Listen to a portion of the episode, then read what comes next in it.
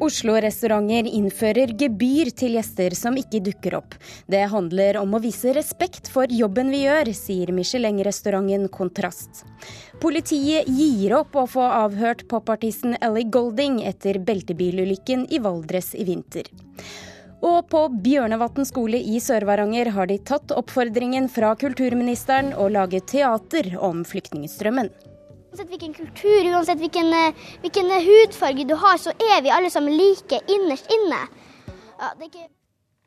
ja dette er Kulturnytt, og her eh, får vi også filmanmelderen vår til å avsløre sine topp tre påskekrimtips. Mitt navn er Stine Tråholt. Flere restauranter sliter med at gjester ikke avbestiller bordreservasjoner når de ikke kan komme. Den nyslåtte Michelin-restauranten Kontrast har derfor innført et gebyr på 1000 kroner til gjester som ikke dukker opp eller avbestiller i siste liten. Problemet er så stort at flere restauranter nå vurderer å gjøre det samme. En av dem er Le Benjamin Bar og Bistro i Oslo. Hun svarte ikke, så da får vi prøve neste. Hver uke bruker hovmester på Le Benjamin Thomas Pedersen timevis på å ringe gjester. Her nede på den franske bistroen på Grünerløkka er det som oftest helt fullt, og da er det greit å forsikre seg om at gjestene kommer. Hei, jeg ringer bare for å bekrefte deres bordreservasjon hos oss i kveld for fem personer klokken kvart over ni. For det er ikke lenge siden restaurantsjef og eier Magdalena Rosenblad hadde en dag som fortsatt sitter ferskt i minnet. Alle er bekreftet, de som skal komme, og noen vi ikke har fått tak i. Så er klokken ni, vi venter på tre bord og de kommer ikke. Da sjekka hun mobilen og innså at hun hadde sagt nei til over 100 sultne gjester denne dagen. Og satt likevel igjen med tomme bord og mindre penger i kassa. Da var jeg så utrolig sur. Derfor sier de nå at det er mulig å innføre en såkalt no show-avgift. Som betyr at du betaler en viss sum om du avbestiller på et tidspunkt der det blir vanskelig for restauranten å fylle bordet når maten allerede er i ovnen og personalet står klare. Og den tanken er de ikke alene om. Nei, Vi er liksom litt sånn i planleggingsfasen, og vi har snakket med mye andre kolleger i bransjen. Det blir jo et rent tap hvis vi står der med tomme bord som ikke vi får fylt opp igjen. Sier Rosenblad, og forteller at dette er et generelt problem i restaurantbransjen. Folkeskikk i min bok, det er folkevett.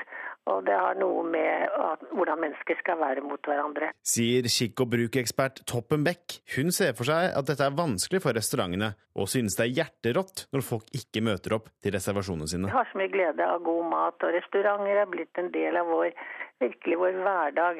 Og, og har vi bestilt, så står vi ved en avtale. Det er god norsk oppførsel å ikke bryte avtaler. Ja. Lukten av fersk fisk og hav treffer neseborene inne på intime kontrast når dagens leveranse med torsk kommer inn døra. For i kveld er det sjømat på menyen. I kveld blir det sjøkreps og skrei, kongekrabbe, and. Sjefen selv, Mikael Svensson, dro nylig inn en Michelin-stjerne til restauranten. Men allerede i sommer innførte de en no-show-avgift på 1000 kroner. Og det har vært merkbart. Vi begynte med bankkort eller kredittkortbekräftning av bord i somras. Sen dess har vi bara haft två rena no-show-bord. Tidigare innan vi började med no-show så sket folk i att ringa bara, de bara dök inte upp. Det måste handla om respekt för vad vi gör. Det är inte annorlunda än att du kastar bort vår tid som du kastar bort din tandläkartid om du inte kommer på din bokade timme. Så spørs det om Le Benjamin og andre restauranter vil gå samme vei som bl.a. Kontrast, Maemo og Crew her i Oslo. Men inntil videre blir både Magdalena og Thomas veldig fornøyde hvis de som har reservert, melder fram endringer så tidlig som mulig. Hun ville bare gi beskjed. De var først seks, ble fem, og nå ble de fire. Fantastisk. Ja. Så dette er sånn det skal gjøres, altså? Veldig bra. Veldig bra. Ja. Veldig bra. Gi beskjed. Reporter Nikolai Voldsdal. Restauranteier, kokk og matskribent Andreas Wiestad, hva syns du om denne utviklingen?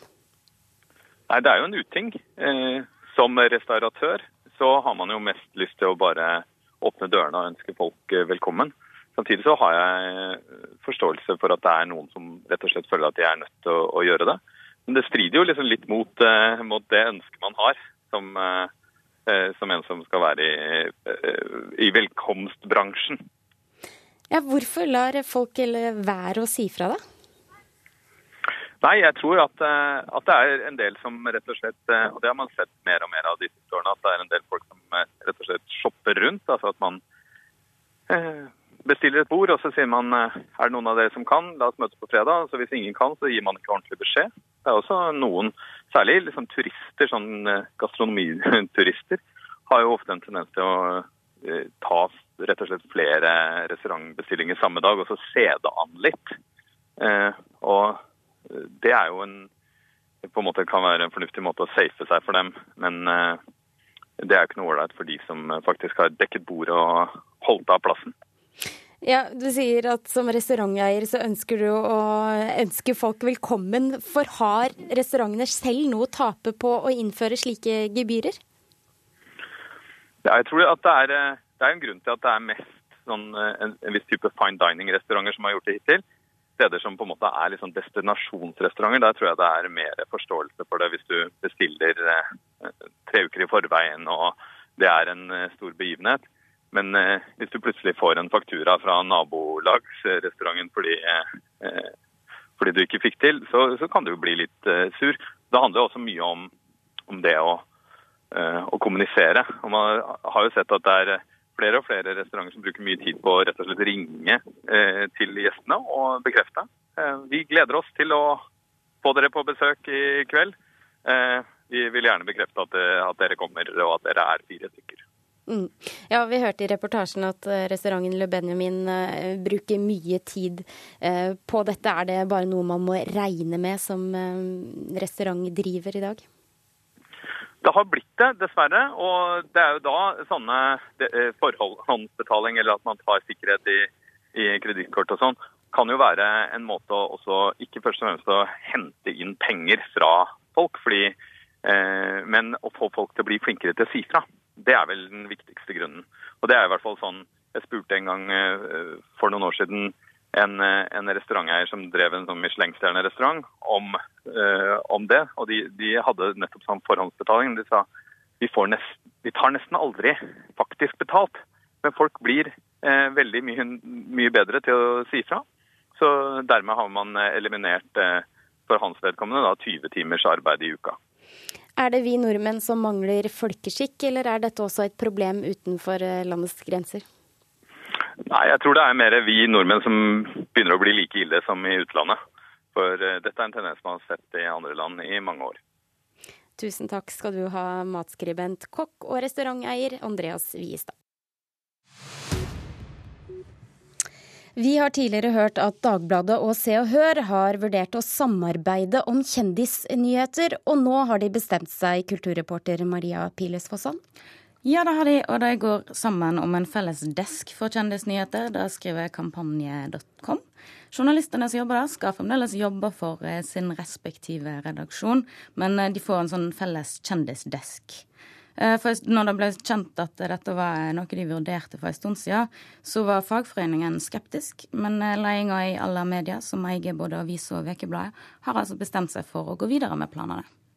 Og Vi skal over til Instagram, for i helgen så fikk de en ny bruker. Paven åpnet en eh, konto. Har han fått mange følgere?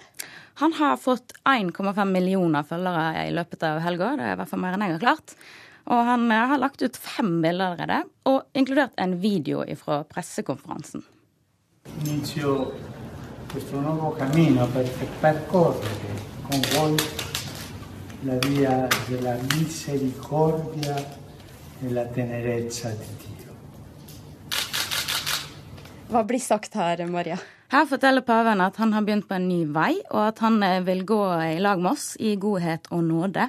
Før han da trykte på knappen og posta sitt første bilde på Instagram. Og så er det jubileum for Twitter i dag. De har blitt ti år. Da har de mikrobloggetjenester, som vi kaller det så fint, der en kan legge ut meldinger på 140 ting. Har fått en eh, stor rolle i samfunnsdebatten. Spesielt kanskje blant journalister, kjendiser, politikere og andre makthavere. Eh, nå har vi overlevd eller levd med Twittoratet i ti år. Og de får omtrent én ny bruker i sekundet. Når jeg sjekka nett i stad, så er det nesten 343 millioner som har en Twitter-konto. Takk skal du ha, kulturreporter Maria Piles Våsand.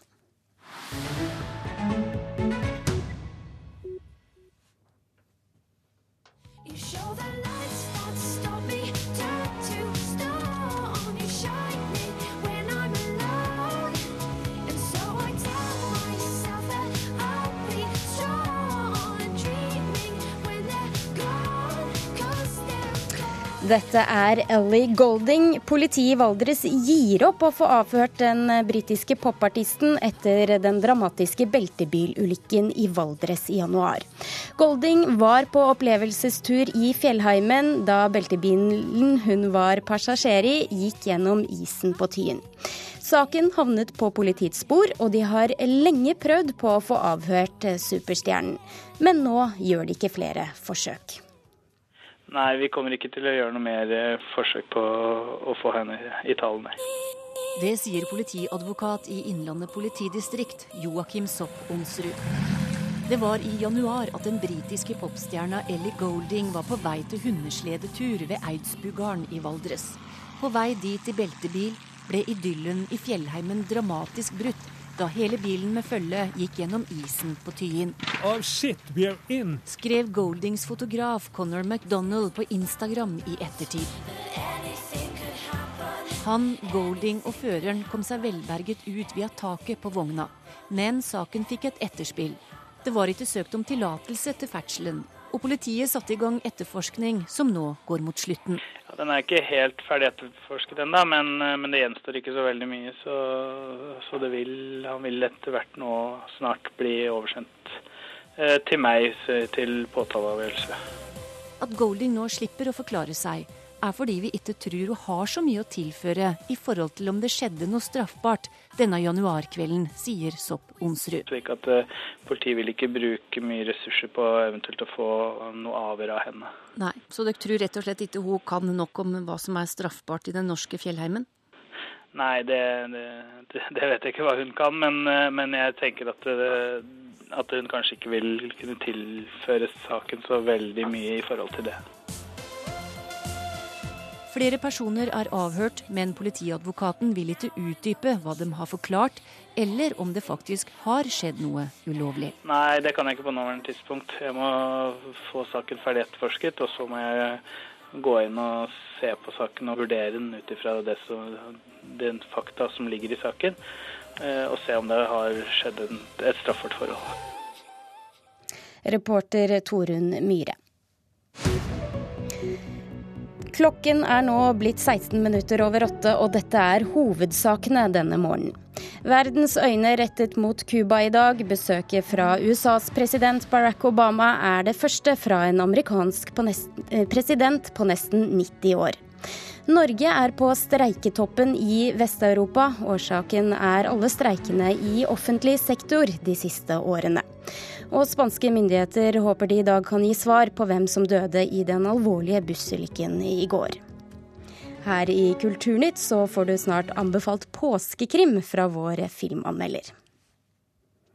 Men først. Den anerkjente canadiske kunstneren Melanie Gilligan bruker kunsten til å vise hvordan teknologien endrer atferden vår.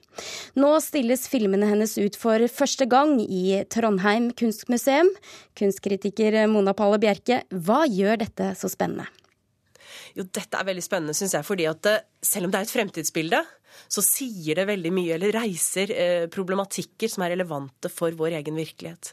For hvilken, eh, måte, hvilken, utvikling vi står i, og hva som skjer i det mellommenneskelige når teknologien på en måte griper fatt i oss og blir veldig altoppslukende i vårt liv.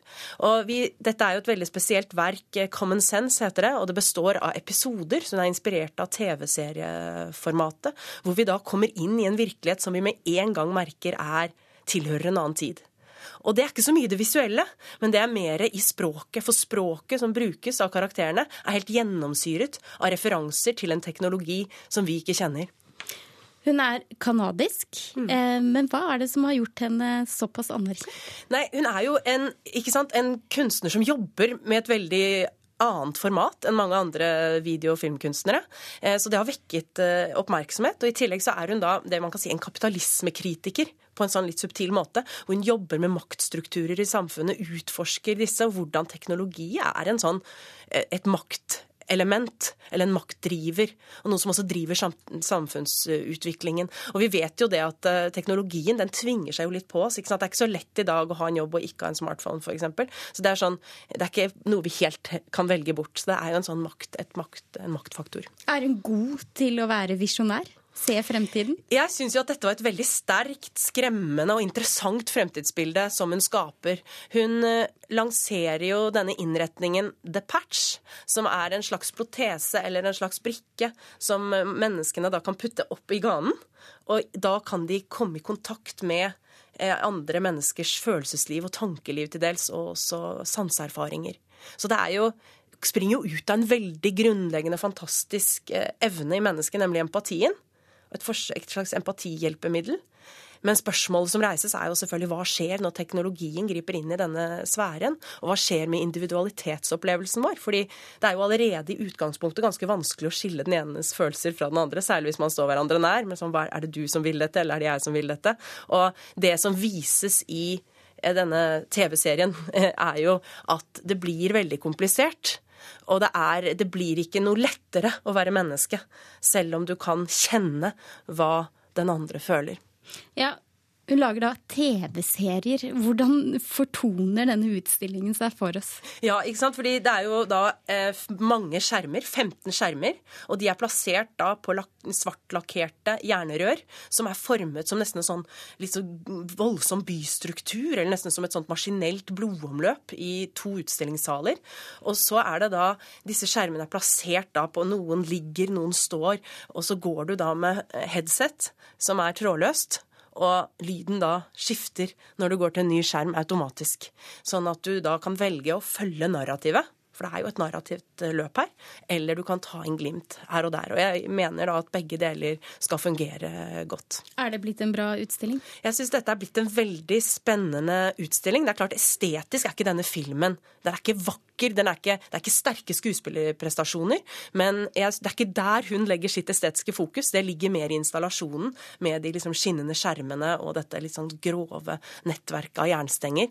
Men, selve, men filmen er allikevel, selv om den ikke er estetisk så sterk, så er den veldig tankevekkende og viser et veldig skremmende og interessant eh, fremtidsbilde som det er viktig at vi tar inn over oss. Påsken nærmer seg, og her i Kulturnytt gir vi deg kvalifiserte tips om hvilke TV-serier det er verdt å spandere tid på i påska. Og først ut er denne.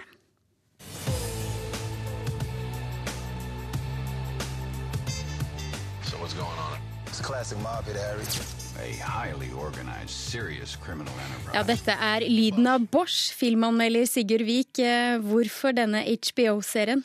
Du, det er en uh, sånn typisk hardkokt storby-noir, det her. Så jeg tenker sånn, Vi i Norge vi er jo glad i, i britisk påskekrim, men det er litt friskt og litt godt å, å ta en sånn klassisk storbyvariant òg. Det her er en uh, serie som er inne i sin andre sesong nå. Ligger ute på, på HBO Nordic. Begge sesongene kom uh, forrige helg, og det er basert på Michael Connollys bøker om Harry Bosch. En skikkelig sånn god, gammeldags politietterforsker som ikke ikke finner seg i noe dritt. Altså, han er både hard mot de harde og også ganske hard mot sine overordnede. Og, og, i sesongen her så kommer han tilbake etter en seks måneders suspensjon, for han har jo selvfølgelig ikke vært venn med, med sjefene sine, og kommer raskt inn i en drapsetterforskning som spenner utover ti episoder, og som er god og spennende. Og så er det jo også flotte skuespillere her. Det er en del av de gamle The Wire-skuespillerne, blant annet, som dukker opp i Los Angeles her. Og så er det Titus Welliver som den bitende, harde og, og, skikkelig gode politietterforskeren Harry Bosch. Ja, Det er to sesonger uh, ute nå. Kommer det også en tredje etter hvert? Jeg håper det, for det her funker, og det er jo masse bøker å ta av. Og det som er kult med serien i forhold til de som nå sikkert Det er sikkert mange der ute som har lest bøkene, men serien kombinerer flere bøker i én sesong. Sånn at det er vel tre bøker som er sydd sammen til manuset til denne andre sesongen, og det var vel noe lignende på første sesongen, så det er veldig rike plott der, og ti episoder stappfull av god LA noir. Og så har du tatt med deg en serie som det faktisk er premiere på i dag. Ja. The Night Manager er uh, eh, TV 2s uh, eh, påskekrim nummer én. Og nummer én i den forstand at det er den som kommer først. De har en til som begynner litt uh, senere i påska, men det her er ganske sånn uh, flott britisk krim med Tom Hiddleston og Hugh Laurie i hovedrollene. Det er Susanne Bier fra Danmark som har hatt regien, og det her er litt sånn krim med en smak av bånd, fordi det er veldig flott. Altså, det er eh, landskapsbilder fra Kairo, fra sveitsiske alper, fra London. Det er liksom Vignetten er sånn Det kunne ha vært en Bond-vignett. Det er liksom smykker som, eh, animerte smykker som blir til bomber. Det, det er veldig stilfullt og fint. Men det er jo en serie som bruker hodet og ikke musklene, så selv om det smaker av bånd, så er det jo hjernekrim det her som, som funker fint. Om internasjonal våpenhandel, og det er jo ganske spennende. Og så er det jo selvfølgelig en del hotell her, fordi at det er The Night Manager som er helten vår, og han er nattportier på flere hotell. I've been brought in by the Metropolitan Police to lead a review into the investigation of the murder of Alice Munro. We've had our share of murderers in Belfast, but never anything like this. Det vi hører her er et utdrag fra The Fall, som du kaller for en god, seig seriemorderkrim. Ja, altså, man må jo ha litt uh, forskjellige ting. Påska er jo lang, man har jo masser av tid, og da er det jo greit å variere. Og The Fall er en uh, serie som ikke er ny. Den har gått i to sesonger, ligger ute på Netflix begge to der, og det kommer en tredje sesong. Men det er Gillian Anderson, kjent for mange fra X-Files, ikke minst, og Hannibal og, og andre ting, som spiller etterforsker i Nord-Irland, og hun jakter en seriemorder, spilt av Jamie Dornan, som mange vil kjenne igjen fra Fifty Shades of Grey-filmen. Og det er en god krim som både er spennende fordi den følger både etterforskninga og uh, jeg må skjule mine spor-type uh, seriemorderperspektivet. Uh, samtidig som den er veldig vakker, den er seig, den har masse flotte kameradetaljer, masse flotte bilder.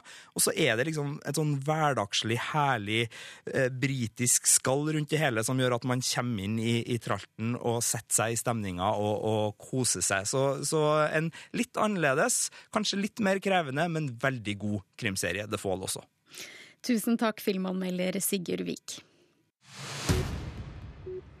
Å bruke kunst og kultur som et ledd i integreringen av flyktninger har vært et uttalt ønske fra både kulturminister og kulturarbeidere dette året. På Bjørnevatn skole i Sør-Varanger har de tatt oppfordringen og lagt skolebøkene til side for, til fordel for teater om asylstrømmen. Ti år gamle Ronja Angelica Holm ønsker å minne publikum på at vi ikke trenger å være redde for den vi egentlig er. Hvem er du, og hvorfor vil du inn i mitt område? Jeg vil inn i mitt område fordi jeg vil eh, være den jeg er, og kle på meg hva jeg vil. Og det får jeg ikke lov til hjemme. Siden du er så ærlig, så kan Elever på Bjørnevatn skole øver på et spesielt teaterstykke. Det kjente og kjære Bukkene Bruse-eventyret har fått en ny vri og er gjort aktuelt med et nytt budskap. Uansett hvilken kultur, uansett hvilken, eh, hvilken hudfarge du har, så er vi alle sammen like innerst inne. Ja, det, er ikke, det er bare ikke alle som forstår det. Det sier Ronja Angelica Holm på 11 år. Det er Kreativ uke sponsa av Den kulturelle skolesekken, og elevene har fått bytta ut skolebøker med kunst. Og i teatergruppa tar hun Ronja og de andre opp problemer som mange unge kjenner på. Altså, Min rolle er altså en sånn som blir litt sånn, blir litt sånn lagt utafor, men av de, av de andre og søker etter et sted å liksom være seg sjøl og liksom uttrykke hvem man er, med, med stil. Det bygges snøskulpturer utenfor skolen. Tredje til tiende klasse er blanda sammen etter interesser og ikke alder denne uka. Med temaet mangfold og integrering jobber de med mange forskjellige kreative uttrykk. Graffiti, mote og afrikanske trommer bl.a. Lærerikt, mener Alexander Krogh på ti år. Sånn er så flink lærer, så. Han Alexander liker ha flyktningen Sean Basira som lærer. Han er i arbeidspraksis denne uka, og han Alexander sier dette om hvorfor han liker han så godt. Hvis vi gjør en liten feil, så da bruker han å stoppe og forklare oss hvordan vi gjør det, og så bruker vi å få det til. Så jeg gleder meg til eh, i overmorgen, når vi skal spille. Det blir gøy. Sean Basira sjøl er veldig glad for å få komme og jobbe med ungene. I feel so welcome in myself in a society. Han har bare vært i Sør-Varanger litt over et år, og han føler seg veldig inkludert i samfunnet når han får lov å komme hit og lære om sin kultur på Bjørnevatn skole. Also, when I see the children, they are coming to learn the drama, they want to understand, they, they, so, they have interest to understand me. Also, I feel like, wow. 29-åringen blir nesten satt ut av hvor interessert ungene har vært i å lære å spille velkomstsang på kongolesisk vis på tromma. Han føler seg hjemme her. Nå tenker jeg at du skal gå dit og så skal du se på den her Slutten av skuespillet er under utvikling, og Ronja har klare forhåpninger om hva de i salen skal sette igjen med etter forestillinga. Å minne publikummet om liksom at man kan være forskjellig, at man trenger ikke å være redd for det man, man, for det man virkelig er. Liksom, hvis man eh, ja, mm, Det er egentlig sånn det skal være. At eh, folk, treng, at folk ikke skal være redde for dem man egentlig er. Skjønner? Reporter Tarjei Abelsen.